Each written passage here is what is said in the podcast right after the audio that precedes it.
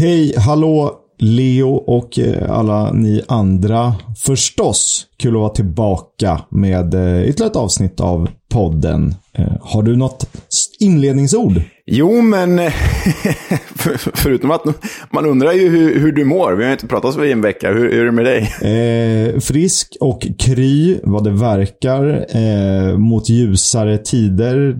Inga restriktioner. Man kan drömma om att kanske resa iväg lite. Man kan drömma om att få gå på fotboll.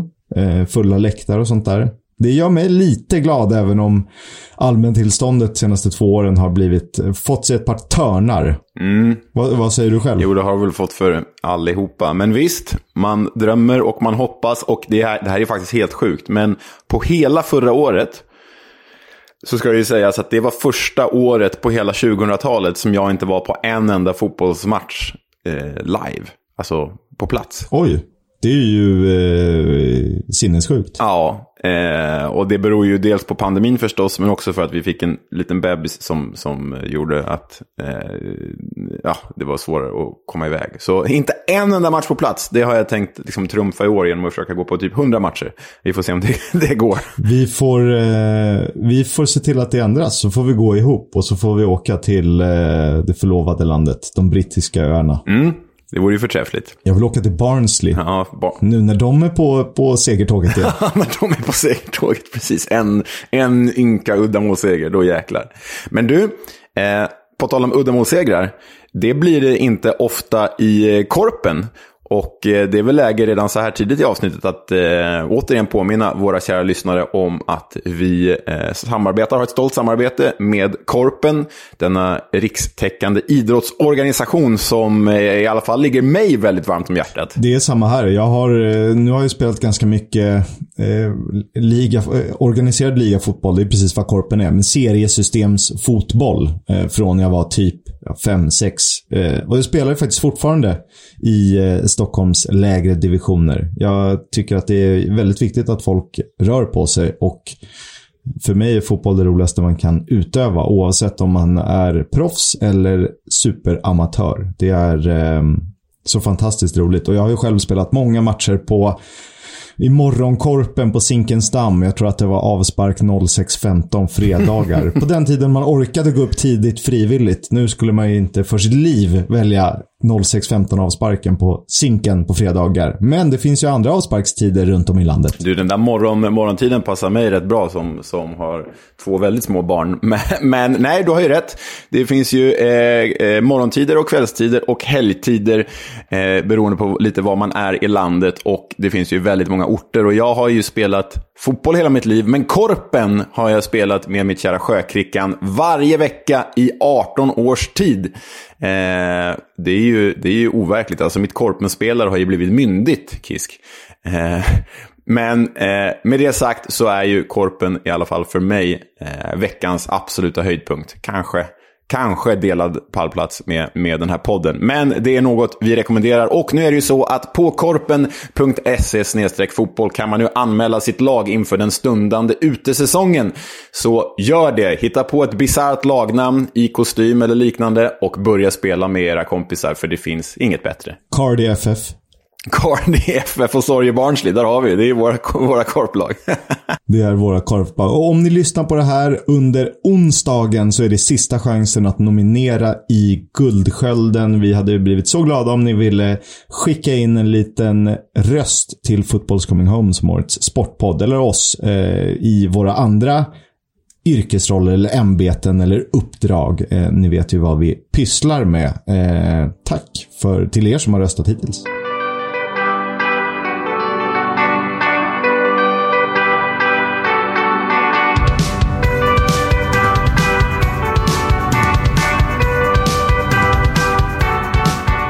Du lyssnar på Footballs Coming Home, en podcast som fokuserar på Championship, på League 1 och på League 2, alltså den riktiga engelska fotbollen. Jag heter Oskar Kisk och vid min sida, åtminstone ute i etern, så har jag såklart Leonard Jägerskiöld Welander. Mannen med de tre efternamnen. ja, exakt. Tre efternamn har vi pratat mycket om och eh, jag tycker att vi dyker rakt in i den härliga fotbollen som har spelats i Championship. Det vet ni att vi fokuserar först och främst på. Eh, och eh, det spelades ju matcher i helgen värda att nämnas. Det var ju full sula med matcher förra veckan, eh, därför ingen fredagsmatch. Men väl på lördagen så drabbade Huddersfield och Sheffield United samman i ett eh, riktigt laddat playoff-kampsmöte. Huddersfield har den positionen nu. Sheffield är där och nosar. Mm, det är ju därtill också, även om det inte är de största av rivaler, så är det ju faktiskt också ett Yorkshire-derby. Ehm, och den här gick ju tidigt på lördagen, så den som hade tid och möjlighet kunde ju faktiskt eh, knappa på två raka eh, Championship-matcher på lördagen. Ehm, den här slutade ju 0-0 på John Smith Stadium. Eh, den, detta fantastiska arenan som jag tycker är lika roligt varje gång.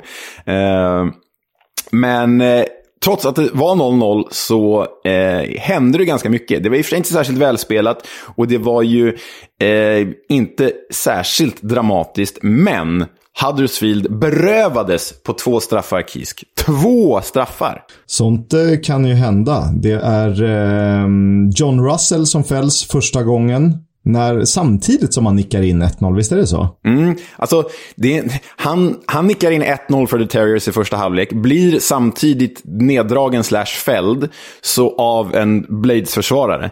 Eh, vilket gör att han trillar in i West Fodringham i, i, i Blades-målet eh, som då inte kan eh, rädda bollen. Men det är ju inte Russells fel, utan det är ju en Blades-försvarare. Så om, det här döms ju bort då för att Fodringham blir, blir eh, omkullvält av John Russell.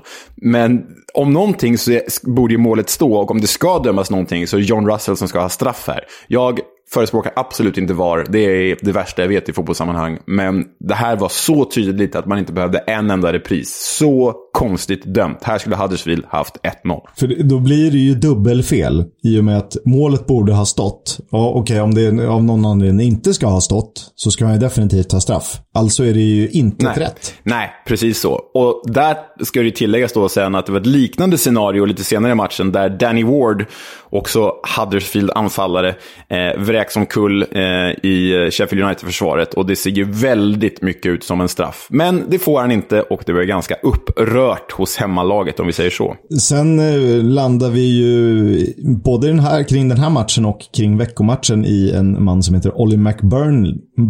McBurnley? Lyssna nu. Han är absolut inte, har inget med Burnley att göra. Ollie McBurney. Eh, han gjorde ju en riktigt, riktigt bra säsong för Swansea för ett gäng år sedan. Nu fick han förtroendet från start av Hickingbotten. Men eh, det lyser ju inte eh, av självförtroende om McBurney. Eh, han har inte gjort mål på sina 30 senaste matcher och räknar man in veckomgången, vi ska inte gå händelserna i förväg, men 18 matcher, 0 mål va? Ja, Eh, och eh, han köptes ju för ganska stora pengar när Blades var i Premier League. Eh, och det har ju faktiskt inte alls fungerat. En rolig detalj är väl att hans brorsa spelade för Östersund ett tag. Eh, om, eller kanske om det till och med var Ytterhogdal och aldrig, att han aldrig nådde Östersund. Men han var i Norrlands inland och spelade fotboll. Men nej, det här är ju en anfallare utan eh, minsta möjliga eh, självförtroende. Vilket är ju tråkigt för honom och dåligt för Blades. För de behöver ju gubbar som kan göra mål. Och jag tänkte på det här liksom tabelläget som var inför den här matchen. Inför den här matchen så hade ju Blades spelat jag tror till och med tre färre matcher än Huddersfield. Eh, så det var ju av yttersta vikt då för, för eh, Blades att ta poäng så att man inte drar ifrån. Och yttersta vikt för Huddersfield att absolut inte förlora. Eh, eftersom att, jag menar, om man har spelat tre matcher mer så kan ju Blades gå om dem om Blades spelar sina kort rätt. Så Huddersfield, som då nekades av domaren två gånger om, är nog inte jättenöjda med det här slutresultatet. De hade nog behövt vinna den här, i känslan. Det hade de behövt. Det är fler lag som hade behövt vinna för att det tajtar till i toppen eh, i och med att eh, lagen eh, håller på med massa olika konstiga saker som vi inte riktigt förstår. Men vi ska försöka reda ut det. Huddersfield Sheffield United slutade alltså 0-0 innan vi går vidare till årets match. Jag tycker du får ta ner den här Leo. Ja, alltså direkt efterföljande på lördagen där kunde man ju, om man, om man ville och hade tid, se Reading Coventry. Och det gjorde jag. Eh, och det låter ju extremt osexigt på pappret. Det låter som 0-1 kontring 87. Eh, Matty Godden om han hade spelat. Precis, det gjorde han ju inte. Utan nu startade ju Victor Gyökeres igen för Coventry. Och det ska ju sägas att Gyökeres, även om han inte gjorde mål, spelade väldigt bra. Mycket bra link-up-spel och targetspel för Coventry den här matchen. Och matchen slutade ju alltså 3-2 till Coventry eh, på bortamark då, i Reading. Eh, och det låter helt bisarrt, men det här var ju den faktiskt roligaste matchen jag sett hela den här säsongen, alla ligor inräknade. Inte bara av The Championship, utan alla ligor inräknade. Ja, ja. och fo fotbollen var ju inte fantastiskt bra, men det hände så jäkla mycket. Fem mål, en utvisning, en supersvensk, planstormning efter match, protester av fansen. Ja, det, var, det var en jädra batalj det här, Chris. Och eh, Reading fortsätter att vara ett eh, sorgebarn. Ja, ja, verkligen. Men det ska ju sägas att de faktiskt tog ledningen genom deras speciella målskytt Lucas Joao, som efter att han kommit tillbaka från skada har ju visat sin vikt i guld.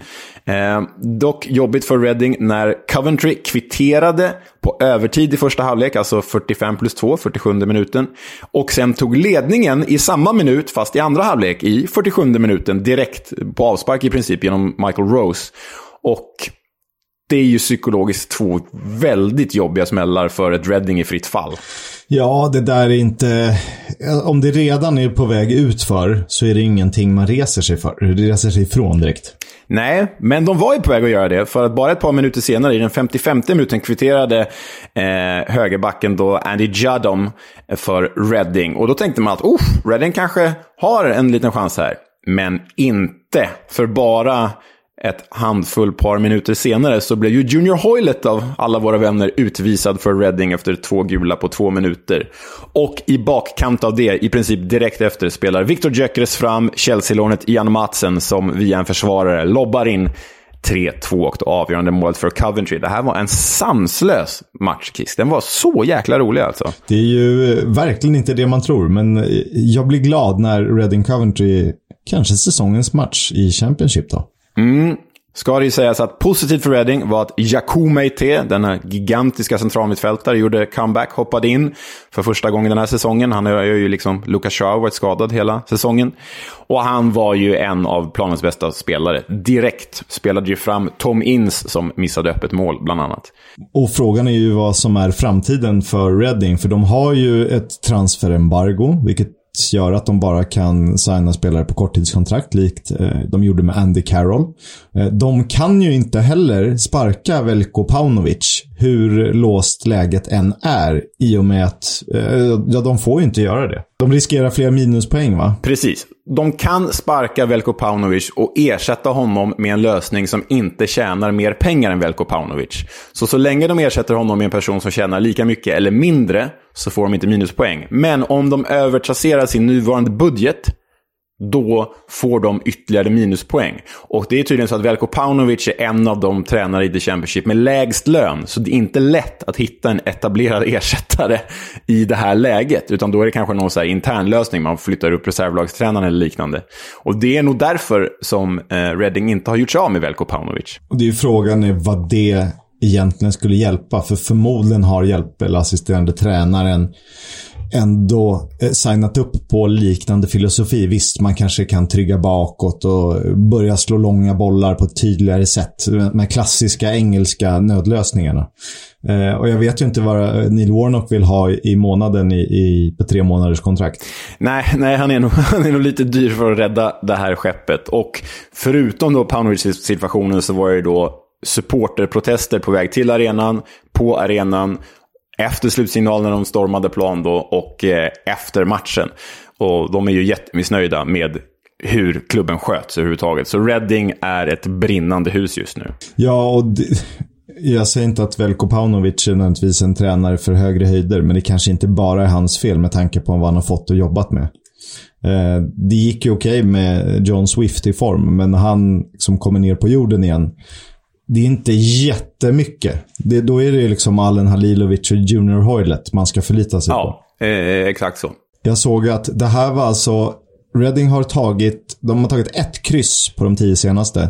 De har förlorat åtta raka matcher, FA-cupen inkluderat. Ja, nej, det, det är ju fritt fall här. Det är därför vi eh, tror att Derby, i alla fall jag tror att Derby kan gå om dem till slut.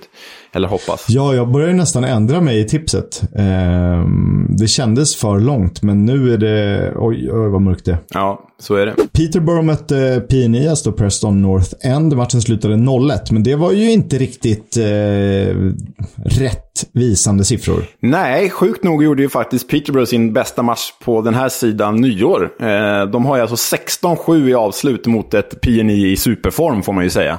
Men eh, inte ens Johnson Clark Harris, som öste in mål i League One, mannen med de tre efternamnen, kunde göra mål. Och om Johnson Clark Harris inte gör mål, nej, då gör inte Porsche heller mål. Därför eh, avgick ju PNI med segern. Cameron Archer, som du hyllade redan i förra avsnittet. Han har gjort eh, tre mål på de fem senaste matcherna och eh, kan ju vara något intressant för Aston Villa, åtminstone som en eh, impact sub.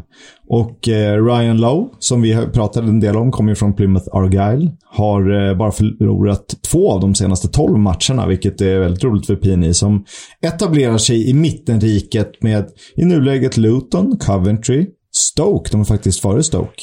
Millwall, eh, kanske Blackpool ska räknas in där också. Ja, lite, lite häng på playoffet ändå. Med, med tanke på formen de har. Hållit nollan i fyra raka. Lite, lite så här, mirakulöst häng på, på playoffet. Det, det som talar emot dem är ju att de har spelat två matcher mer än exempelvis åttan Sheffield United och sexan Middlesbrough. Så de ska väl inte kunna ge det en ärlig chans.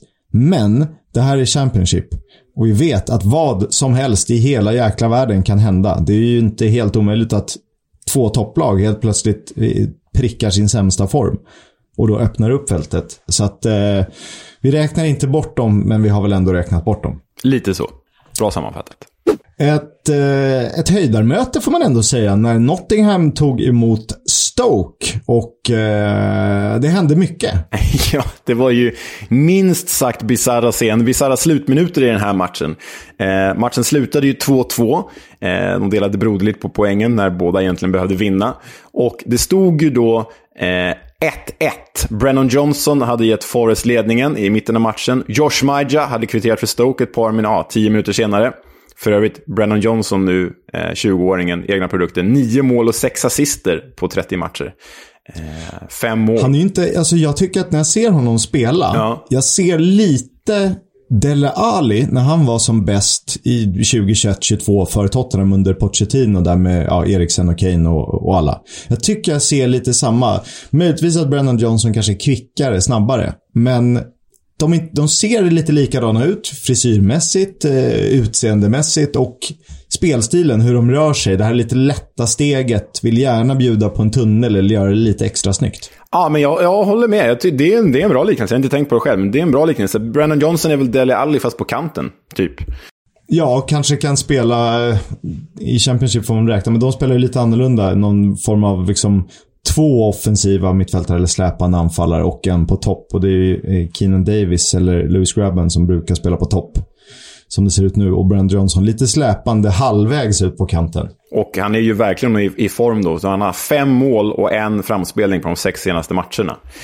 Men som sagt, Josh Maja kvitterade ju hans ledning och sen då i slutet när det står 1-1 den eh, gode Brissamba, Nottinghams franske keeper, han drog ju på sig ett idiot idiotkort. Ett rött kort med fem minuter kvar. Han fångade en boll i straffområdet och så när han liksom springer framåt i straffområdet så springer Phil Jagielka in i honom. Men inget sådär fult, utan du vet. Som man gör på all, varje gång en målvakt har bollen i eget straffområde och det är efter en tilltrasslad hörna. Exakt så. Absolut inget fult. Händer tio gånger i varje match.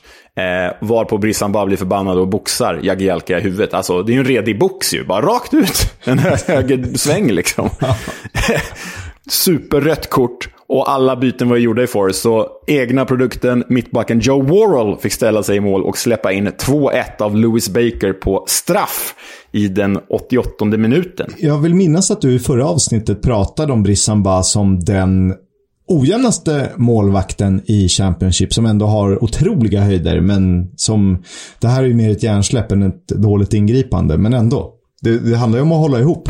det handlar verkligen om att hålla, hålla ihop. Det, han, han kommer ju få, jag har inte sett avstängningen än, men han borde ju få mer än en match avstängning för det. För den, den är ju riktigt ful. Det är en redig serietidningssmocka. Sen liksom. träffar den väl inte så hårt som det kan se ut. Nej. Men det är ju fortfarande, det handlar om intention och han vill ju liksom lappa till honom rejält. Och jag tror det är väl knuten näve också. Exakt. Och här trodde man ju då att Forrest var döda och begravda. En man mindre och ingen målvakt med, med ja, två minuter kvar till 90. Men fasiken om de inte kvitterar i 92 genom Ryan Yates. Ja, en spelare som har liksom sakta men säkert bitit sig fast i ett, en grupp av kandidater. Kanske till, eh, inte nödvändigtvis säsongens lag, men ändå. Han räddar viktiga poäng för Nottingham. Han är bra i spelet överlag. Ja, Mm. Ja, nej, verkligen. Det är ju liksom unsung hero i Forrest. lite så. En liten eh, vad Harrison Reed är för Fulham. Honom ska vi prata om. Ska jag sätta dig, ställa dig mot väggen kring. Oj, kul. Eh, Men först ska vi prata om Steve Morrison-derbyt. Där eh, Steve Morrison faktiskt eh, fick se sig besegrad. Mm, han är väl, jag vet inte, jag förknippar honom mer med den här liksom floppsessionen han hade i Norwich i Premier League. Men, men han, han är väl egentligen mer Millwall än vad han är Cardiff. Men så tränar han Cardiff nu. Ja, så kan man väl ändå uttrycka det. Han, känns, han gjorde ju inte jättemånga matcher för Millwall. Nej, eller? kanske. Han, jo, han var ju där i två svängar. Före och efter Premier League kanske. Ja, men exakt. Vi, vi frågar Millwall. Är han Millwall för er? Eh, nej, men eh, Cardiff kom ju in i den här matchen med tre raka ligasegrar. Hade ju torskat mot Liverpool i, i kuppen men tre raka ligasegrar och bra form under Morrisons ledning. Men trots det var de aldrig riktigt nära förutom en eh, sjuk hands, har du till och med skrivit här i körschemat, på Jake Cooper i straffområdet i början av andra halvlek. Alltså han, han kastar sig och liksom ska täcka skott på nästan hockeymaner. Du vet, man, hela kroppen ska med. Och bollen tar ju solklart på handen. Um, så jag vet inte riktigt vad som hände där. Det blev väl hörna då. Um, men att man, den går ju inte att missa. Nej, och det är ju väl, väldigt upprört i Cardiff-lägret där. Och det hade ju gett Cardiff möjligheten att ta ledningen med 1-0 ju. Exakt. Eh, men eh, med Jed Wallace så är ju Millwall faktiskt ganska bra. Ja, tillbaka från start och eh, han hade ju hoppat in några minuter i de två föregående matcherna. Men tillbaka från start och då är de ju ett helt annat lag. Då gör ju de 1-0 genom Murray Wallace i 73 och 2-0 genom Mason Bennett i 82 Och då är det klart. Då spelar det ingen roll att Joel Bagan reducerar på, på övertid. Så Jed Wallace var ju oerhört viktigt för Millwall att behålla.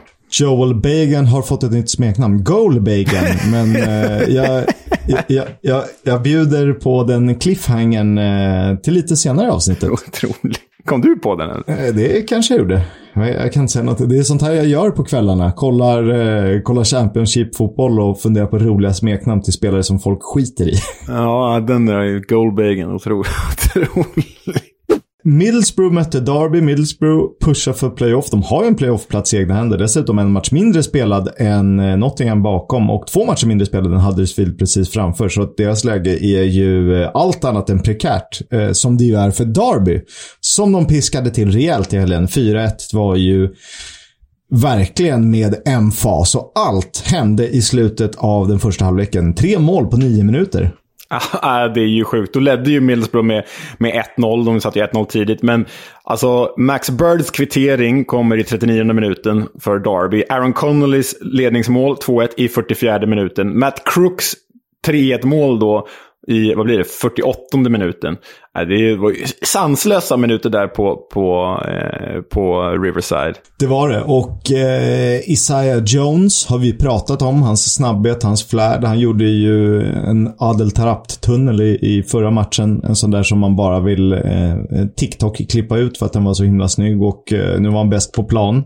Eh, det pratas ju mycket om Jed Spence, Jed Spence som är från, på lån från Middlesbrough till Nottingham Forest. Men Isaiah Jones som jag i och för sig tycker är lite bättre i mer framskjuten position. Eh, jag ser honom mer som kanske en yttermittfältare eller ytter, när Jed Spencer då ytterback, eventuellt yttermittfältare. Ehm, men vissa tycker att Jones är bättre. Två assist här, åtta totalt. Eh, han har ett- ett mål och åtta assist. Ja, alltså.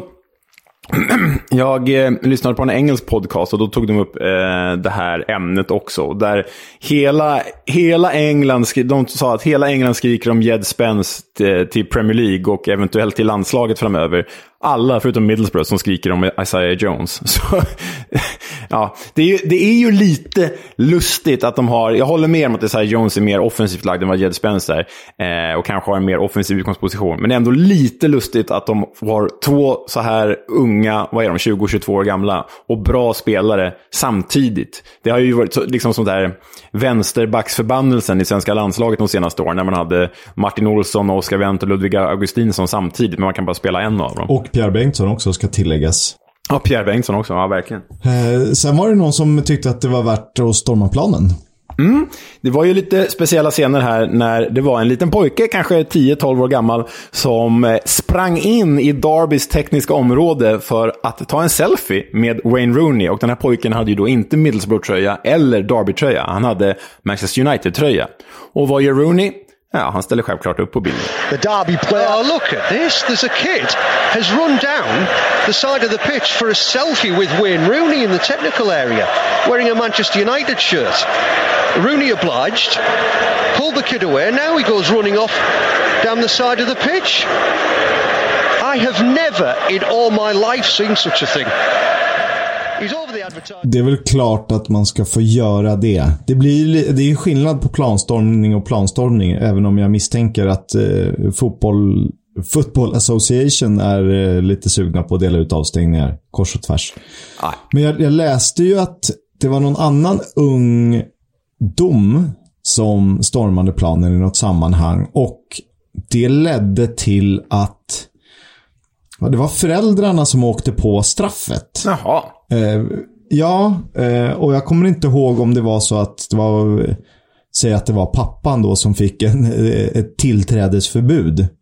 Eller om det var, jag, jag kommer inte ihåg den där. Vi kan, vi kan väl hålla på den och, och ta upp den igen. Men eh, det var någonting så att eh, pojken slapp bestraffning. Eller det får han väl säkert hemma på något sätt med utegångsförbud. Men eh, det överfördes till föräldrarna. Jaha, vad, vad intressant. Där får vi faktakolla då och se vad som exakt som händer. För det låter ju, låter ju ganska orättvist också på, på samma gång.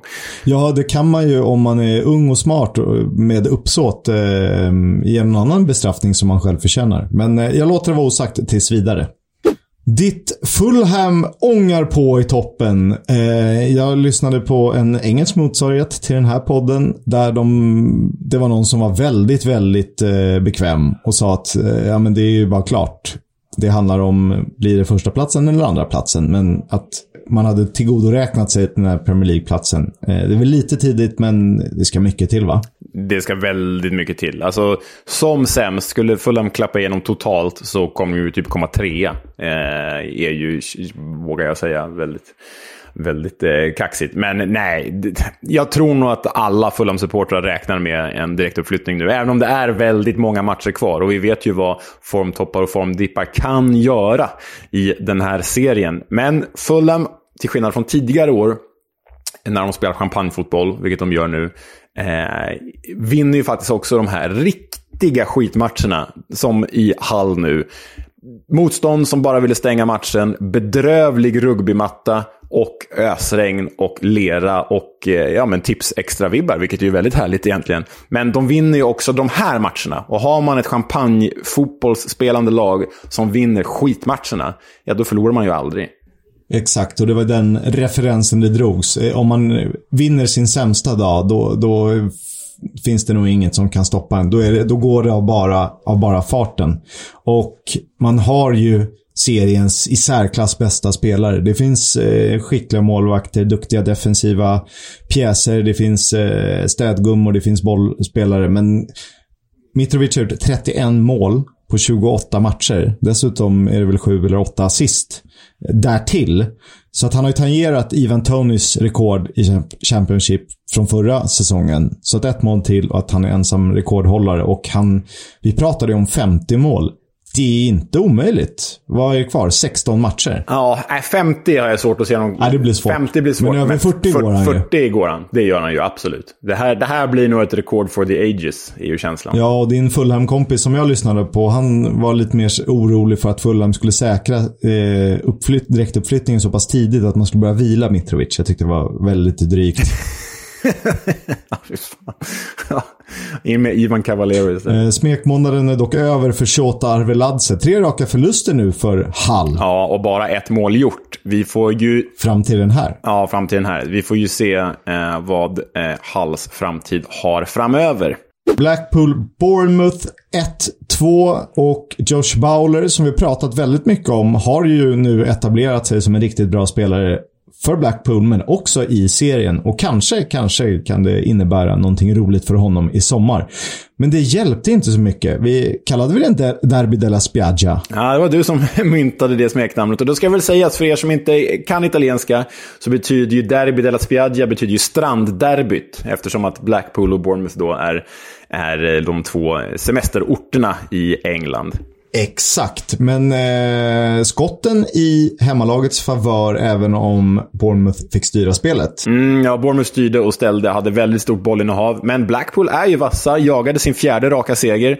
Och det såg ju fint ut när Josh Bowler, ja, ska vi säga drömmålade in ledningen. Eh, och därmed gjorde också sitt tredje mål på de fyra senaste matcherna. Men Bournemouth är ju en maskin när de spelar bra och då kan man kvittera genom Jamal Lowe i 86 och avgöra genom Peterborough-nyförvärvet Seriki Dembélé i 95. Maskinen Bournemouth har talat. Ja, och eh, nu, det är väl inte stabilt att avgöra matchen i 95 och göra målen liksom 86 och på stopptid, men det är ändå att jag tycker att det är Fulham och Bournemouth över säsongen hittills har verkligen förtjänat de två topplaceringarna. Och de har ju dessutom marginal ner, för båda de lagen har spelat 30 matcher. Blackburn, som är trea, har spelat 32 matcher. Och Bournemouth har fyra poäng till godo och Fulham har 10 poäng ner. Så att det här är ju... Ehm, det känns ju som toppduon. Det, det gör det verkligen. Det är om, om Bournemouth skulle hamna i en längre svacka och någon av playoff-kombatanterna bakom hamnar i en liksom, längre ihållande formtopp. Så visst, kanske, kanske, kanske. Det är för tidigt att säkra Bournemouth än känner jag. Men, men visst, jag blir förvånad om det blir något annat lag än Bournemouth på andra platsen. Så är det. En av helgens skrällar var ju att Birmingham tvålade dit Luton med eh, stabila 3-0. Och jag tycker att du får ta vid. Jag ser ju vad du har skrivit i körschemat och jag kan inte annat än att hålla med. Nej, men man blir ju för i helskotta aldrig klok på vare sig Birmingham eller Luton. Luton, vilket uttal? Luton. När man tror att den ena ska ryka ner i botten, alltså Birmingham, så vinner de. Varje gång. Nej, men nu hamnar de i bottensidan. Nej, men nu vinner vi. Nej, men nu är de i bottensidan. Nej, men då vinner de igen. Nej, men nu är de förankrade i bottensidan. Nej, då vinner vi igen. Jaha. Luton då? När man verkligen säger i avsnitt efter avsnitt att ja, men nu blir det playoff för dem. Ja, det kan bli playoff-push. Ja, då torskar de. Och så nu är de bra igen. Nej, men då torskar de. Och nu kan det bli playoff. Nej, då torskar de. Och det är inte så att de torskar så här, vi torskar 0-1 mot, mot Fulham, utan vi torskar 0-3 mot fucking Birmingham. Helskotta Luton, vad gör ni? Var det inte så att eh, Luton torskade rätt stort mot Birmingham på hemmaplan också? Jag vill minnas att de torskade med 5-0 eller 5-1 eller någonting sånt. Var det den matchen? Den kanske var. Just Birmingham hade ju en urladdning där, ja. Det kanske var den. Jag kommer inte ihåg om det var Luton, men det kanske stämmer. Jag får nästan kolla upp det här. Mm. Vad, vad finns att ta med sig från matchen i, övrigt då? Nej, men, nej, men ska vi säga så att Luton skapade ju nästan ingenting. Och Blues skapade inte jättemycket heller, men de var effektiva och var ändå det bättre laget. Och sen vill man ju, när man får chansen, lyfta upp märkliga eh, fotbollsnationaliteter. Och det har ju Birmingham i Onel Hernandez, kubanen, som de lånat in från Norwich. Har varit ett panglån. Tre mål och en assist nu på sju starter för Birmingham. Det, det är ju bra. Det är superbra. Och eh, jag vill bara bekräfta. Luton Birmingham i augusti 05. Oj, så att Birmingham sablar. alltså 8-0 mot Luton. Ja, det... Och eh, det skiljer ju typ 7-8 placeringar i ligan. De borde sprida ut sitt målskytte och inte bara göra mål mot, mot Luton. Här, eh, Liboy, här är tips från Leonard Jägerskiöld Welander i EFL-podden. Han berättar nämligen att kan du, kan du be dina spelare sprida ut målskyttet? det känns... Gör det. Det är smartare. Ja. Men supportrarna var inte nöjda. Nej, eh, liksom Reading var det ju stora protester mot eh, både klubb och ledning här i Birmingham-leden. Hemmafansen är ju furiösa över att eh, det inte finns någon insyn i klubben från supporterhåll. De får inte ha supportrar med på, på styrelsemöten. Eh, support, eller ledningen kommunicerar inte eh, med supportrarna alls. Så det kastades in apelsiner och tennisbollar på planen, vilket ledde till en väldigt märklig situation där en matchvärd Hon eh, går in på planen mitt i spelet, mitt i ett Luton-anfall och befinner sig alltså en meter från Luton-bollhållare när hon ska ta bort lite tennisbollar. det är en oerhört märklig situation. Not to go, he or she's now being told not to go on the pitch while the game is in full flow. But having said that, if a player would... Uh... Ja, nu kommer jag ihåg. Jag såg den här i helgen, men jag förstod inte riktigt kontexten. Jag tänkte, jaha, vad, vad gör du där? Står också och väntar lite så här artigt på sin tur. Att vem det nu är, är det Elijah Adebayo kanske med bollen? Eh, och så låter honom då eh, vrida och vända. Står och väntar någon meter ifrån. Sen kliver fram och, och, och hämtar upp före målet. Ja, det är ju väldigt... Det är, det är ju ingen spelkänsla där om vi säger så. Det är noll spelsinne. Men vi traskar vidare till ja, den stora skrällen i helgen. Det måste ju sägas. Sen eh, kunde man ju räkna ut att förr eller senare kommer den segern för Poya Asbaghi. Hans första i Barnsley. 12 ligamatcher tog det. Och blev räddad av Guinea-Bissau-födde Domingos Quina portugisisk u landslagsman Han var ju på lån eh, i Fulham tidigare från Watford, så ganska ny i eh, Barnsley. En riktigt härlig träff till matchvinnare. Riktigt härlig träff. Det är ju en klassspelare här. Alltså han har ju ändå Premier League-meriter och La Liga-meriter spelat i Granada. Eh, så han är ju lite för bra för, barn, för det här säsongens Barnsley. Så det är ju ett riktigt kap av dem att de fick in honom. Platsade ju inte i mitt kära Fulham dock. Men vilken lättnad för Barnsley och spelarna och Asbaghi och hela gänget. Att de kan verkligen inte andas ut, för jag menar, de ligger ju fortfarande sist. Men de har alltså bara med den här segern då tagit 6 poäng på de 14 senaste matcherna. Och ändå har de häng på säker mark.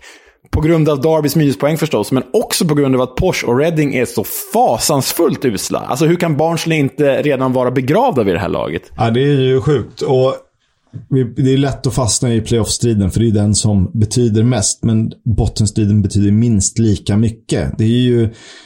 Vi kan nog räkna bort Hull, Cardiff och Birmingham som borde ha tagit tillräckligt med poäng och förmodligen kommer att göra det för att kunna säkra kontraktet. Då har vi alltså Barnsley 17, Derby 18, Peterborough 20 och Reading 22 poäng. Så fyra lag inom fem poäng. Och eh, ska Reading fortsätta så här, ja, de skulle kunna sluta sist. Ja men, ja, men verkligen. Och då ska det sägas att vi, idag, vi spelar in idag, onsdag. Ikväll är det ju alltså Peterborough mot, Re, mot Reading. Det kan ju vara säsongsdefinierande match där. Och den missar vi att tala om, men den får vi börja nästa veckas avsnitt med. Det kan ju hända allt möjligt. Det blir väl 0-0 och... Ja. Lite kortis där om QPR. De saknade ju Chris Willock. Och känslan med QPR, om man bara ser till truppen, det är i alla fall min känsla här, är att det är ett sånt, en sånt jäkla medgångsbygge. Att när det går bra så är fasiken alla superstjärnor. Men när det går dåligt så finns det typ ingen som kan ställa sig upp och säga kom igen nu killar, nu kör vi. Utan det känns verkligen som ett lyxlirargäng. Vilket är väldigt härligt när det går bra, men inte när det går dåligt. Det är väl en, en Charlie Austin man skulle vilja ha i den rollen. Men jag vet inte, Stefan Johansen på mittfältet är kanske inte en kille du lutar emot när det blåser. Inget ont om honom i övrigt. Nej, men lite så. Och jag menar, försvararna de har, Jean Barbé och Rob Dickey och gänget, de är ju förträffliga pjäser, men de känns också lite fina allihopa. Det är lite fina försvarare om du förstår vad jag menar. Eh, så jag har svårt att se vem som tar de andra i handen och rycker upp dem när det går åt helvete. Eh, men det, eh, och det fortsätter, ju, det fortsätter ju gå neråt lite för QPR efter tidigare en väldigt fin period. Eh, Barnsley QPR 1-0 alltså. Väldigt roligt. Grattis till svenskarna i Barnsley. Vi får väl eh, hoppas att eh, Poja kan vara med inom kort och prata om vad det här betyder för honom. Eh, men nu, helgens absoluta höjdpunkt. Det var ju Lee Trundle-derby med Swansea som hemmalag mot Bristol City. Lee Trundle som hatar Cardiff City mer än vad han älskar både Swansea och Bristol som han ju har representerat. Eh, Andy Weimann, Andreas Weimann, eh, gav hemmalaget ledningen, eller bortalaget ledningen strax innan första halvlek var över. Men sen var det ju Swansea show i andra halvlek. Ja, och viktigt för dem att två av tre mål, Swansea vann, vann ju med 3-1. Viktigt för dem att det var ju två anfallsmål. Det har de ju inte sett på ett par månader. Michael Obafemi kvitterade tidigt i andra halvlek. Fulham-lånet, irländska högerbacken Cyrus Christie, satte 2-1. Och sen Joel Pirou eh, avgjorde verkligen definitivt med sitt 3 mål i den 94 minuten ja, Swansea och Bristol City är väl kanske seriens två mest ojämna lag. Men, men eh, skönt för Swansea att kunna få utdelning på sitt spel och Bristol City har vi ju varit inne på. Det blir alltid sju i helsikes mycket mål åt ändra håll när de spelar. Det blir ju det. Och eh, Cyrus Christie tycker jag har sett bra ut nu när de har saknat Ethan Laird. Eh, kanske inte samma höjd, men eh, ändå en, en spelare som gör gedigna insatser efter varandra. Men det är ju lite Obafemi Peterson, Pirou, eh, upp till bevis nu. Men jag tror ändå att det kan ljusna lite. Sen, jag, började, jag pratade om playoff någon gång när inför säsongen, det, den drömmen kan de nog skicka ner. Men kanske en stabil mittenplacering, hålla sig i träsket där kring Millwall, Stoke, möjligtvis. Ja, men Blackpool, det är lite deras nivå. Ja, och man glömmer ju hur fort det går på den här nivån i engelsk fotboll. Swansea förlorade alltså playoff-finalen i, i förra våren upp till Premier League. De var ju alltså en match från Premier League.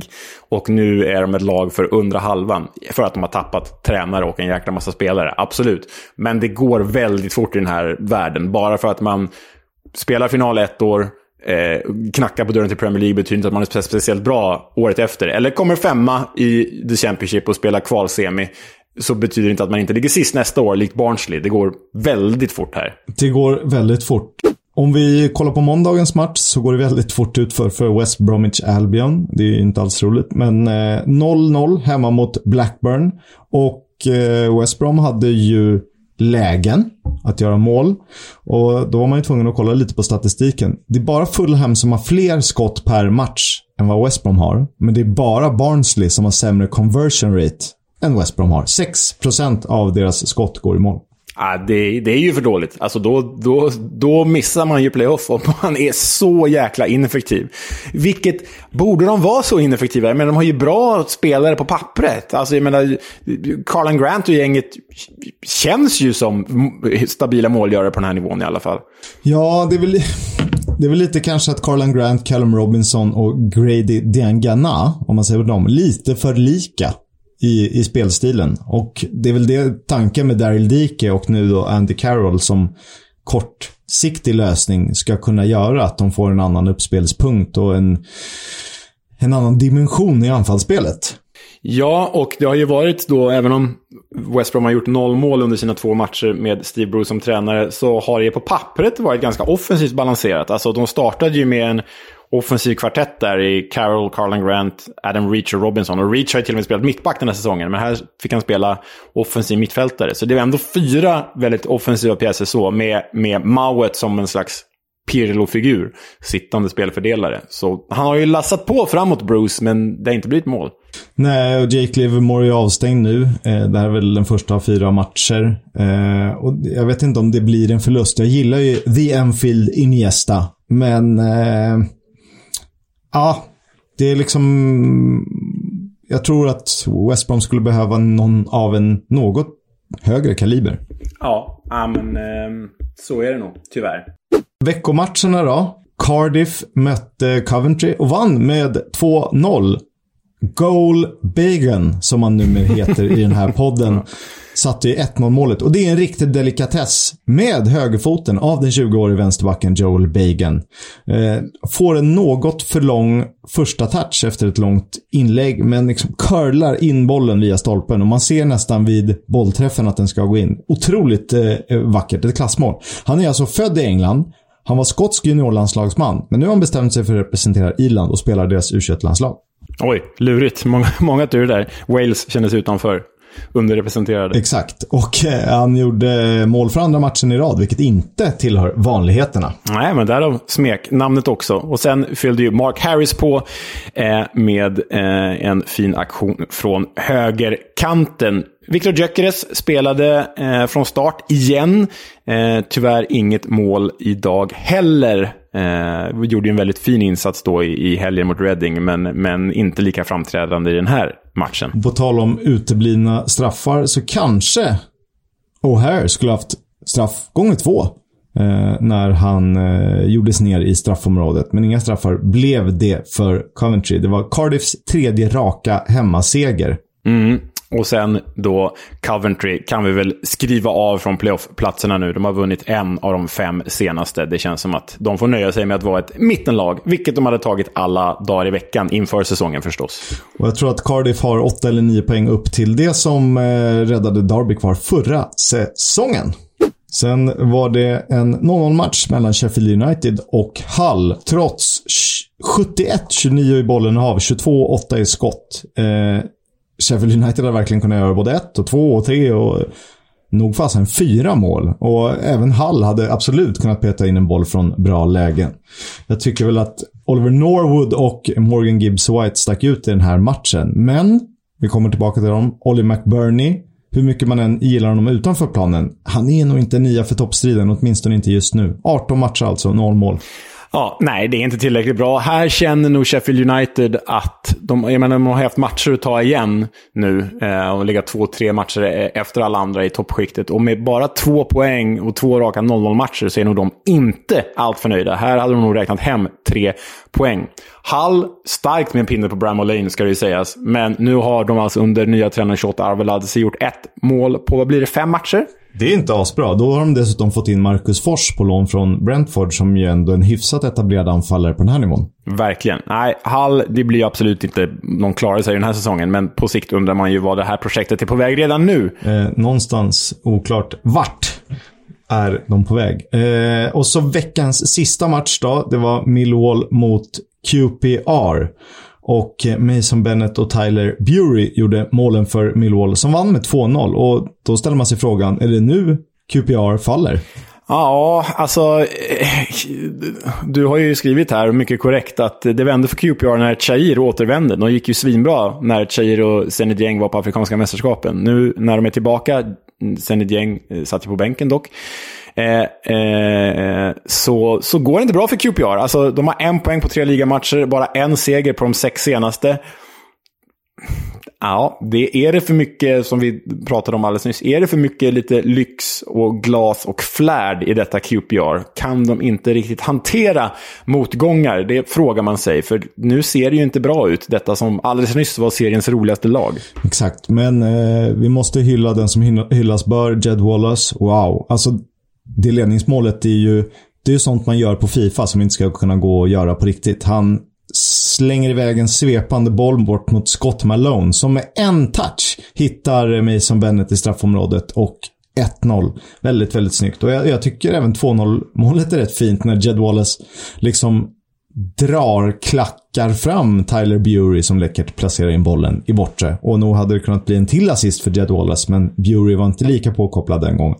Nej, alltså, vi eh, rekommenderar er att titta på Millwalls 1-0-mål här. För Wallace är ju alltså djupt ner på mittfältet när han slår den här crossen ut på vänstern till Malone som på, på one touch spelar in den till Bennett som får upp ett mål. Det är otroligt läckert det målet. Det är, man visste inte riktigt att Millwall hade sådana mål i sig, om vi säger så. Det visste man inte. Men det var eh, omgångarna, eller de senaste veckornas matcher summerade i alla fall. Och vi har Fulham i topp och Barnsley i botten. Det är som det har varit den senaste tiden. I övrigt lite positionsförändringarna mest i mitten. Have you not been watching? I haven't! Veckans nyheter då, och eh, kanske hetast. Thomas Kaminski förlänger med Blackburn till 2024. Han är en viktig pusselbit mellan stolparna när eh, Lennihans, Niambes och Rothwells kontrakt går ut eh, tillsammans med då lånespelarna. Ja, och dessutom går ju tränare Tony Mowbrays kontrakt ut till sommaren. Så det här är en viktig indikation på att hörni, vi har någonting på gång här. Vi kan faktiskt behålla en av seriens bästa målvakter. Så um, vi får se vilka andra som kritar på framåt sommaren. Därtill så har Reading eh, agerat. De har ju transferembargo, men de får fortfarande ta in spelare på korttidskontrakt. De har alltså lånat Prestons ytter Brandon Barker resten av säsongen. Och så är Tahit Chong tillbaka i Birmingham efter att ha genomfört eh, skaderehabilitation. nu blev det ju svårt med svenskan här. det var fastnar. Rehab då? Han har genomfört skaderehab i Manchester United. Ja, det kan ju bli en nyckelfigur för Birmingham under våren, som han var innan skadan i höstas. Jed Spence, som vi pratat om, det, denna Pendolino, Eh, denna engelska Cafu i Nottingham Forest eh, på högerkanten, har erbjudits att spela landslagsfotboll för Jamaica. Han har inte svarat på det än. Han har ju möjlighet att spela för både Jamaica och England. Får vi se om han väntar in dem senare eller hoppar på det jamaicanska tåget. Darbys tidigare ägare Mel Morris har löst blockaden av Middlesbrough, vilket innebär att det nu blir lättare att köpa klubben även om det återstår en blockad från Wigan.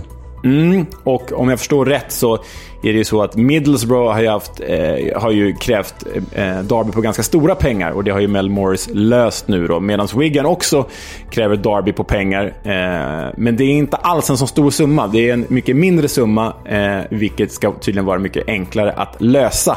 Eh, och så länge de summorna löses, alltså så länge de situationerna löser sig med Middlesbrough och Wigan så är det eh, öppet för en ny köpare att ta över Derby. Det är det här som har hindrat ett köp de senaste månaderna.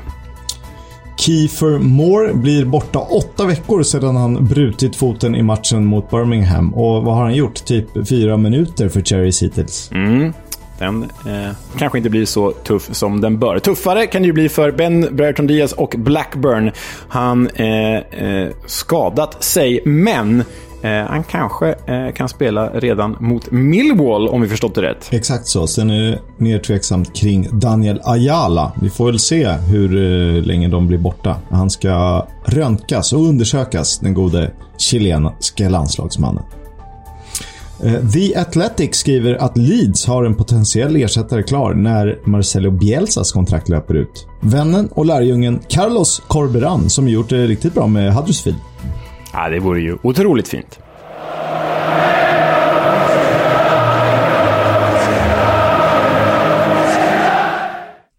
Footballs Coming Home sponsras av Stryktipset. Ett spel från Svenska Spel, Sport och Casino. För dig över 18 år. Stödlinjen.se. Lördag 16.00 Sheffield United mot Swansea. The Blades har alltjämt svårt att kapitalisera fullt ut på sin starka trupp, men är samtidigt obesegrade i sina sju senaste matcher. Eh, Swansea är som vi vet upp och ner i form och Russell Martins ambitioner rimmar nog inte riktigt med lagets kvaliteter i alla delar. Sheffield United har dock inte besegrat Swansea sedan 2010. Då i Championship. Blades är kupongens stora Championship-favorit, men räkna aldrig bort ojämna Swansea. Vad har eh, Leo i kikan? Nej, men eh, jag kommer ju ta min tredje spruta på fredag. Eh, och eh, man vet ju inte, vissa eh, eh, reagerar ju lite dåligt direkt och andra är friska. Men jag har liksom förberett mig genom att ta sprutan och sen se till att det är Bournemouth Nottingham Forest på fredagskvällen som man kan ligga och febra inför. Eh, det känns som trevlig fredagsunderhållning. Men om vi ska titta på helgdagarna så är ju det ytterst ångestladdade mötet 16.00 mellan Derby County och Peterborough finns det, alltså definitionen av sexpoängmatch har nog aldrig varit tydligare. Återigen en säsongsdefinierande match för Peterborough som alltså möter Reading och Derby inom loppet av ett par dagar. Nej, det där är ju mysig, mysig lördagsångest. Det är det. Och eh, Peterborough har vi ju all anledning till att prata mer om. Mm, du ska ge oss The Club, eller klubben, eller History of Football, eller vad det nu heter. Det, just det senare har nog aldrig nog hetat. Men varsågod, ge oss Porsche.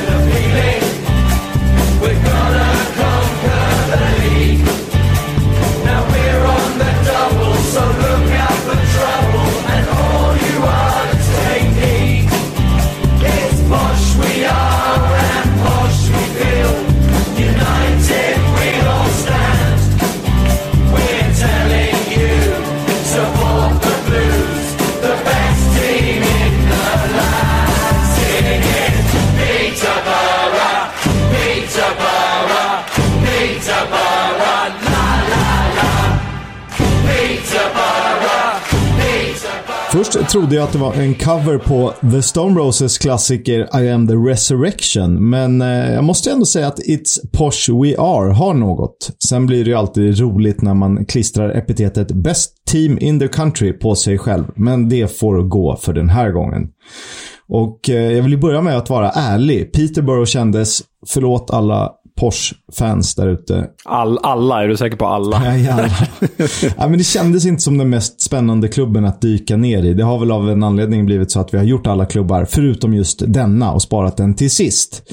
Eh, jag har inte heller hört någon sälja in staden som bucketlist-material.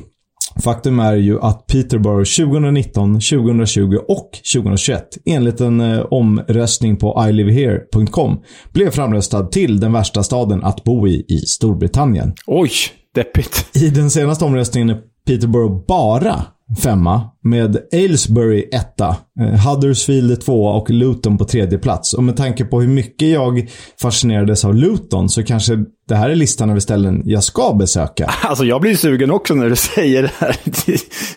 Det är kanske Porsche vi ska åka till, Kiss. Det är kanske dit vi ska.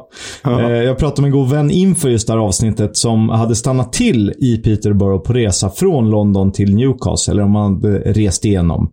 Eh, han var, kunde tänka sig att titta på fotboll på London Road, men han kände sig inte särskilt sugen på att åka tillbaka till Peterborough. Och han har sett hela England, eh, insidor och utsidor, eh, från sunk till lyx. Så att jag litar ändå på honom. Men det är klart man ska förvånas. Egentligen så ska ju berättelsen om Peterborough United FC ta sin början 1934. För det var då klubben grundades. Men vi backar bandet lite. Peterborough är beläget i grevskap, grevskapet Cambridgeshire i regionen East of England. England? var det, det var en egen dialektal grej där. East of England såklart. Staden ligger drygt 12 mil rakt norr om London och var under 1800 och 1900-talet känd för tegelbruk. Där man under stora delar var centrum för produktionen i landet. Fotbollen i Peterborough tog sin början i 1900-talets inledning, då under namnet Fletton United FC. Fotboll spelade man från och med 1913 på London Road. Man la till Peterborough i Peterborough and Fletton United 1923. Två år efter att eh, deras dåvarande manager lagt till epitetet Posh Players for a Posh New Team. Mm. Och där föddes smeknamnet. Mm -hmm. Och det här har ju blivit mer av ett öknamn. Eh, att liksom kalla dem Porsche när de egentligen inte är det. Varken på planen eller utanför planen då, bevisligen. det blev eh, 30 år i lägre divisioner med tredje omgången i FA-cupen som största framgång innan man tvingades lägga ner verksamheten. Staden behövde dock ett fotbollslag och ett och ett halvt år senare i maj 1934 på ett välfyllt Angel Hotel i Peterborough klubbas att United ska formas. Och det är så att bara åtta klubbar i Football League är yngre än Peterborough. Jaha. Fan, de åtta vill man ju ha ju. De, eh, ja, eh, jag vet ju att två av dem är MK Dons och AFC Wimbledon. I och med att AFC Wimbledon eh, grundades. Men jag vet inte om någon av klubbarna vi har pratat om Enligt den här listan då, eh, som jag snabbt har kollat så är det MK Dons som är yngst, AFC Wimbledon näst yngst. Eh, hur många är det? Dag and Red, alltså Dagenham and Redbridge i National League. Eh, sen har vi Stevenage, Accrington Stanley, Burton Albion, Salford City, Colchester United och sen Peterborough. Mm. Eh, två år eh, äldre är Wigan Athletic. Bara en sån mm. sak. Jack Swain blir tillförordnad ordförande för Porsche och meddelar att stadens fotbollsintresse ska väckas till liv med målet att ha ett lag i Football League. Och den som väntar på något gott. Resan inleds, inleds dock med problem då klubben inte har ekonomin att betala förskottet till Midlands League, men får hjälp av Grantham Town med ett lån. Och därefter börjar man sälja aktier för att få loss kapital och kan därigenom hålla verksamheten flytande. Efter fem raka titlar i Midlands League i slutet av 1950-talet blir drömmen sann. År 1960 väljs Peterborough United in i Football League. Football League-resan inleds med stor succé och säsongen 1960-61 är en av de stora milstolparna för både Peterborough och engelsk ligafotboll. And here at the Den, it's Peterborough United needing just one point for perhaps the most sensational championship of the lot. The championship of the fourth division in their first ever season as a Football League club. A magnificent performance by Peterborough. Not only that, Peterborough only needs seven more goals to set up an all-time Football League scoring record. They've got 122. 134 mål på 46 matcher blir det totalt i Fourth Division, alltså motsvarigheten till League 2. Eh, ligasegern är ett faktum, mycket tack vare Terry Blighs 52 ligamål. Även om siffrorna på det stora hela överskuggas av att Tottenham såklart blev första klubb att vinna den inhemska dubben. Ja, såklart fick du in det. Jo, men hur många titlar har jag pratat om när det rör Tottenham? Inga. Så jag var tvungen. 1968 är man tillbaka i fjärde divisionen efter att ha flyttats ned på grund av finansiella oegentligheter. Det blir sex säsonger i Fourth Division innan återkomsten. Samtliga med Tommy Robson i laget. Född i Gateshead, fostrad i Newcastle, men eh, en flytt till Northampton i ung ålder. Därefter till Chelsea innan han återvände till Newcastle. Men det var i Peterborough Robson hittade hem. Och för många människor, spelare, tränare, supportrar och klubbrepresentanter, är Tommy Robson Peterborough United. Tommy was sensational. He scored on his debut, and from that day, he was sensational it runs down the wing he was so fast, quick, his crosses, uh, goal scorer. Han kom till klubben 1969 och var Porsche troget till 1981. Sammanlagt noterades han för 482 ligamatcher och över 600 framträdanden totalt, vilket är klubbrekord. Han har alltid funnits runt klubben och 2008 blev han den första att ta plats i Peterborough United Hall of Fame. Tyvärr diagnostiserades Robson med ALS 2019 och avled året därpå. Och nu jobbar man stenhårt för att resa en staty till hans minne.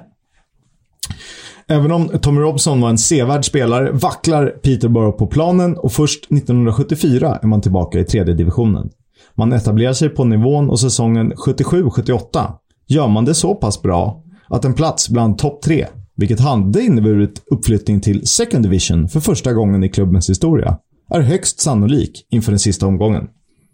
Rexham väntar på bortaplan, ett Rexham som redan säkrat uppflyttning. Allt som behövdes var tre poäng eftersom Preston North End redan spelat sin match, sin sista. Kryss mot Shrewsbury, två dagar tidigare. PNI skickar också 2000 supportrar till Rexham för att stötta hemmalaget. Matchen slutar 0-0 och Peterborough missar uppflyttning på målskillnad. Ah, fy fasiken. Alltså de där, de är ju rätt sällsynta, men du vet om man missar någonting på grund av målskillnad eller, eller liknande. Det, alltså, jag kommer ihåg för några år sedan, när, nu blir det inte engelsk fotboll här, men när Real Betis låg i andra divisionen, i Segunda Division i Spanien.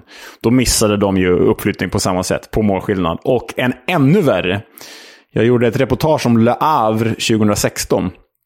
Och samma säsong, då låg de i franska andra divisionen, så missade de uppflyttning, inte på målskillnad, utan på antal gjorda mål. De hade samma poäng och samma målskillnad som sin konkurrent, vilka det nu var, jag tror det var Mets. Eh, men missade uppflyttning för att de hade gjort färre mål än vad Mets hade gjort. Nej, det, är, det är nästan inte okej. Det är som att spela om matchen när alla spelare är friska. Verkligen så. Efterföljande säsong åker man ner i fjärde divisionen igen som om all misär inte vore nog. Och därefter följer ett gäng år av ytterligare misär, närmare bestämt 12 säsonger i Fourth Division. Innan man, under ledning av Chris Turner, som ju faktiskt spelade i Porsche på 70-talet, tog steget upp igen. Och trots att han bara ledde laget i knappt två år ses han som en av de stora tränarna. Säsongen 91-92 blir en av de mest minnesvärda i klubbens historia. Man slår ut Wimbledon och Newcastle i ligacupen och ställs mot Liverpool.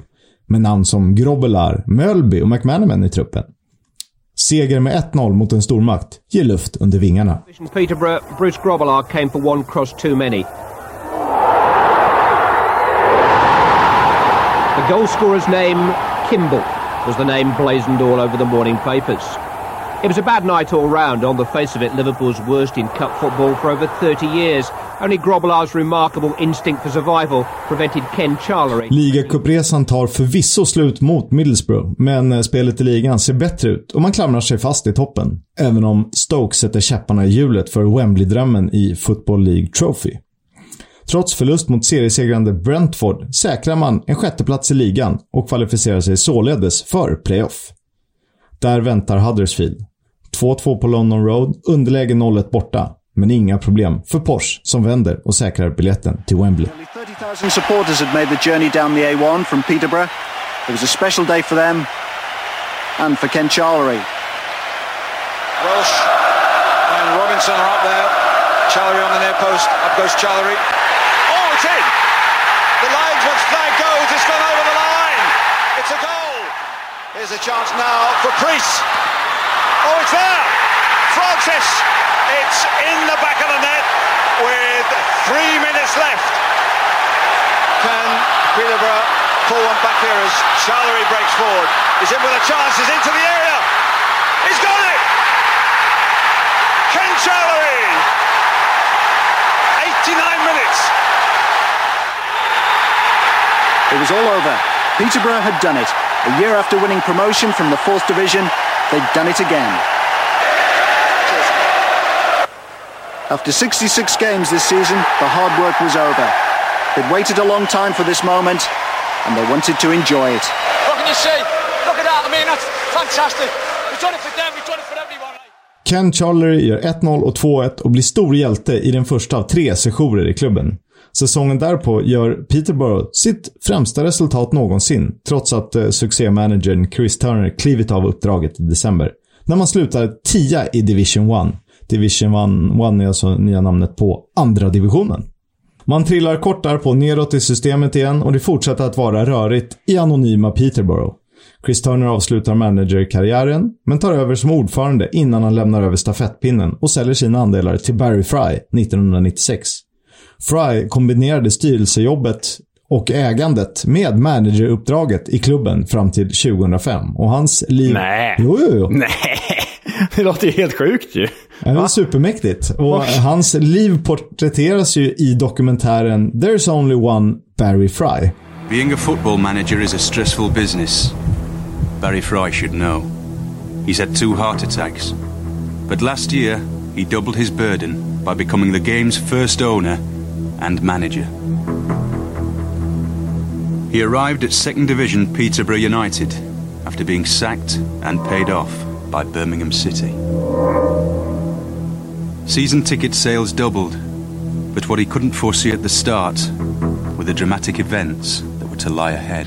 Den kan jag rekommendera er att ta en titt på. Den finns på något som kallas för YouTube. Nej men hallå, det här vill man ju veta mer om. Nu, förlåt för ytterligare en spansk referens, men för i början på 2000-talet så hade ju Racing Santander typ en rysk eller ukrainsk ägare. Han var i och för sig inte tränare, men han akkrediterade sig allt, alltid sig själv som pressfotograf nere på gräset. Så att han kunde sitta bredvid bänken och instruera tränaren vad han skulle göra för, för något. alltså sådana här, sånt här är otroligt. Den här Barry Fry vill man ju, wow, den där ska jag kolla på. Den, eh, there is only one Barry Fry alltså, för er som vill djupdyka. Men eh, vi måste blicka framåt. Eh, efter svaga resultat för Peterborough så blir Darren Ferguson, alltså son till Sir Alex, ny manager i Peterborough i januari 2007. Och på två och ett halvt år tar han Porsche från League 2 till Championship.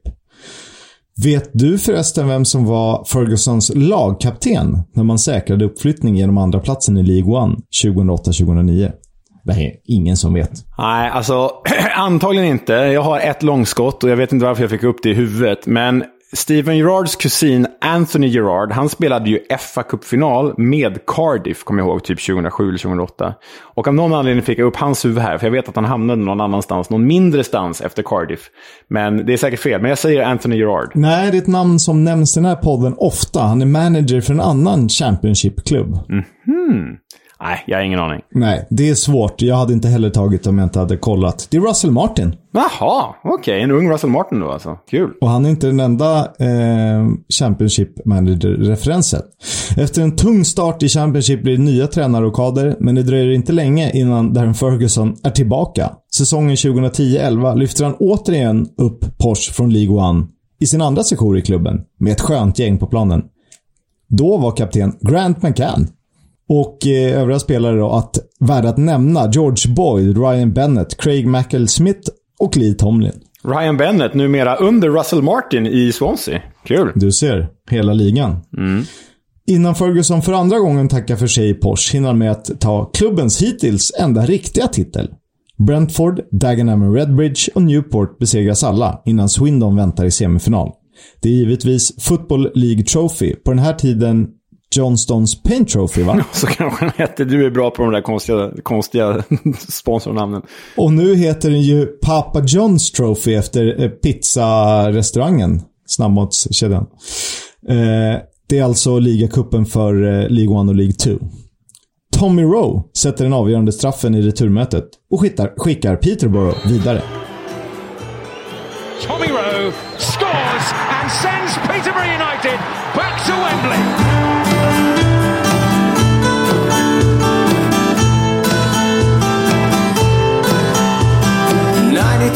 Dreams alive. Wembley, the Porsche arrive. One nil up, give one away. Then Charlery saves the day. Eight years on, back again. Same team, different men. The mood is right, the stage is set. And clap at one in Darlow's net.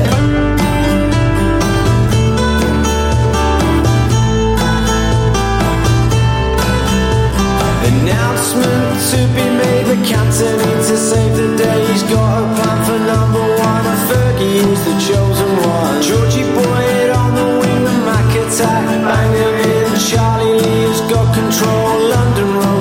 Road, the place for goal. Bosh, I've got the fire. Gonna go to Wembley, gonna lift the trophy. Bosh, I've got the fire. You know we love you, Barbara, so let's win another. Det här är ju en eh, ganska trevlig dänga. Känner du igen den? Ja, det är ju en, det är en cover av eh, Billy Joels We Didn't Start the Fire. Wow, snyggt jobbat. Det är ju... Mickey Metal, Kerouac, Sputnik, Joe and I, Reg and the River Quiet. Da, da, da, da. Ja, ja. Den kan man ju. Det finns en, jag vet att det är några Tottenham-killar som har gjort en, en liknande med samma melodi. Också ganska rolig. Eh, men det här var alltså låten inför finalen. Där Chesterfield väntade på Wembley. Porsche har 2-0 i halvtid innan Doyle reducerar tidigt i andra och därefter blir Peterborough decimerade till 10 spelare. Men det är klart att säsongens stora spelare ska skjuta bucklan till Peterborough. Rests on the shoulders of the man they would want in this situation, Britt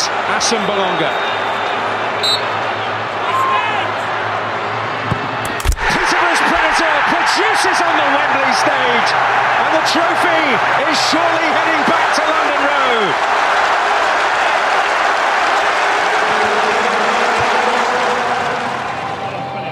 For the very first time, Peterborough United lift the Johnston. Britt Assombalonga alltså. Den jäveln, gamla Nottingham-killen som nu är i Turkiet och sitter på bänken bakom Mario Balotelli tror jag, i Adanaspor. Det är, eh, det är sån han är. Den gode Britt Assombalonga med det härligt klingande namnet. Som ni vet är ju Darren Ferguson tillbaka i Peterborough sedan 2019. Hans tredje sejour i klubben, men eh, läget är knappast glimrande ljust. Eh, sen fick jag en liten känsla och eh, det är ju svårt att säga i nutid eftersom Brexit har satt stopp för många utrikesvärvningar. Men eh, jag har försökt kolla lite trupper och tracka tillbaka i tiden, både nutid och dåtid. Och det känns som Peterborough alltid har haft väldigt brittiskt präglade lag.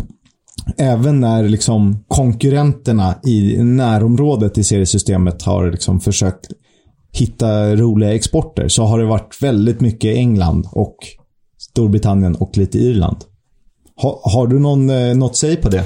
Nej, alltså jag är ju inte jättebevandrad i Porsche-trupper historiskt, men det förvånar mig inte. Det blir väl så att ju längre ner vi kommer i seriesystemet nu, desto mer brittiskt inspirerade eh, trupper kommer det väl bli. Eh, med det sagt, så av alla de här namnen du har berättat om under det här avsnittet så har man ju känt igen typ ingen förutom Ferguson och Russell Martin och några till där som här på 2010-talet. Så ja, vi, vi rör oss neråt i hierarkin, det är tydligt. Och så är det ju, de har ju pendlat, som ni hörde, mellan fyran och trean och så nu på sistone då mellan Championship och League One.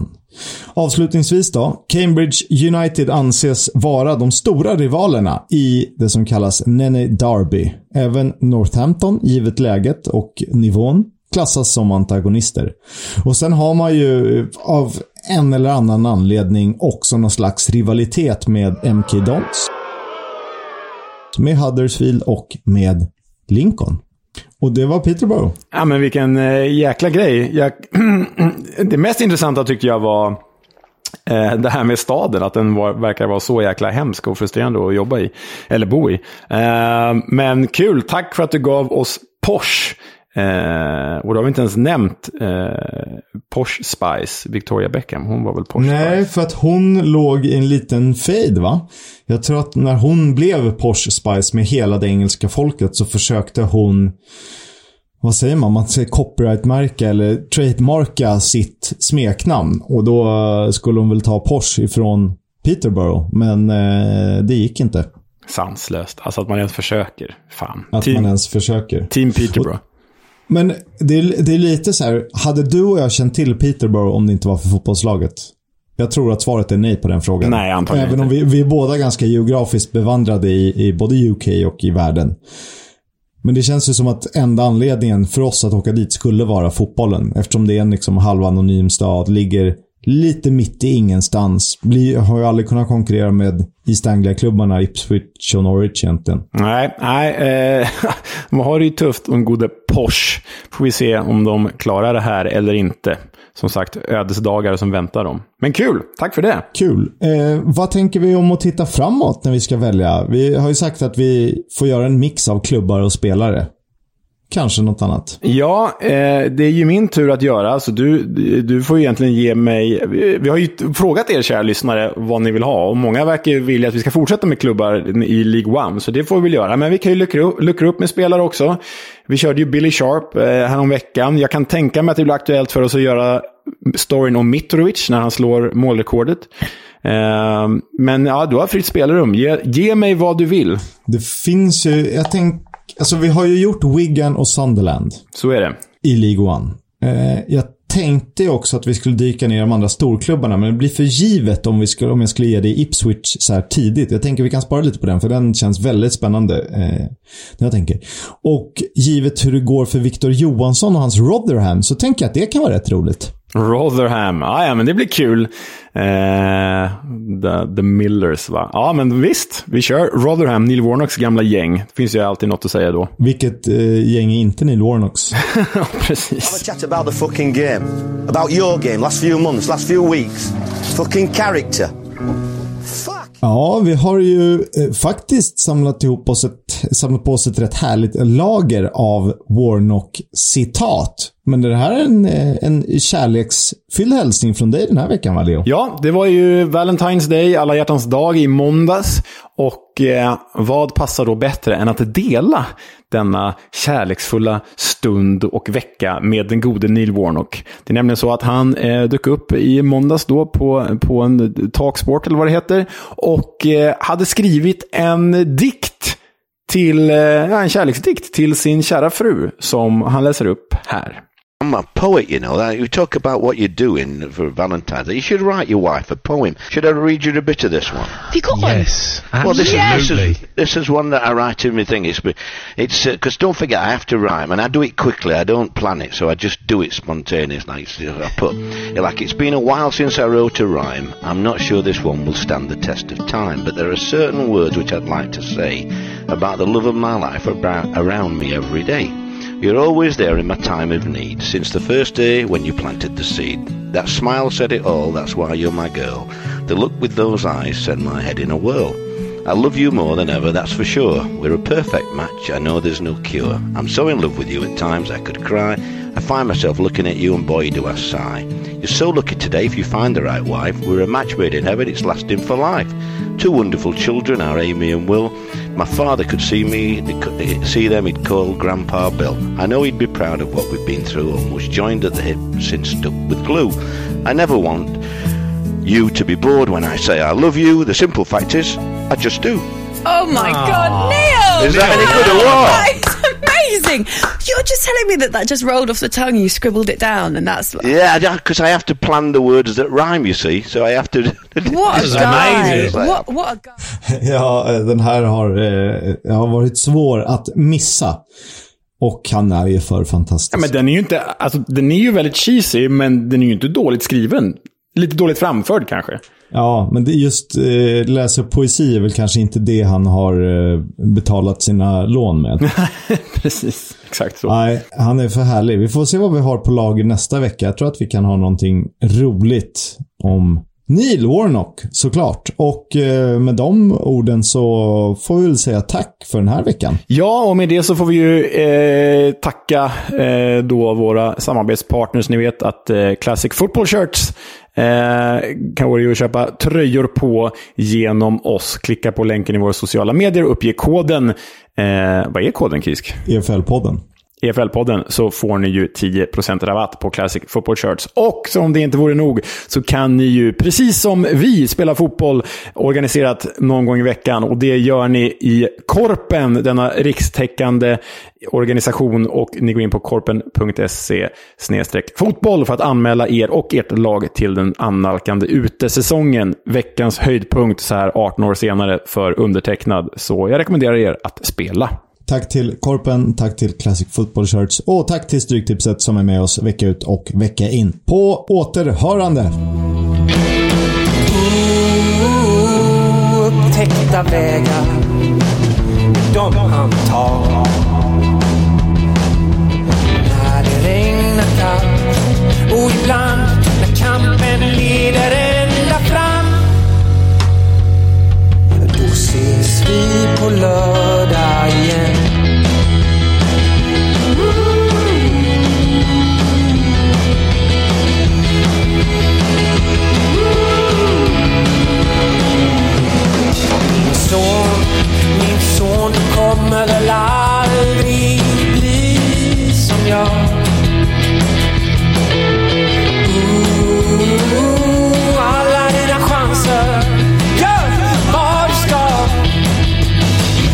Då regnar det kallt, men till slut leder kampen ända fram. Hey. Oh. Då ses vi på lördag, ses vi på lördag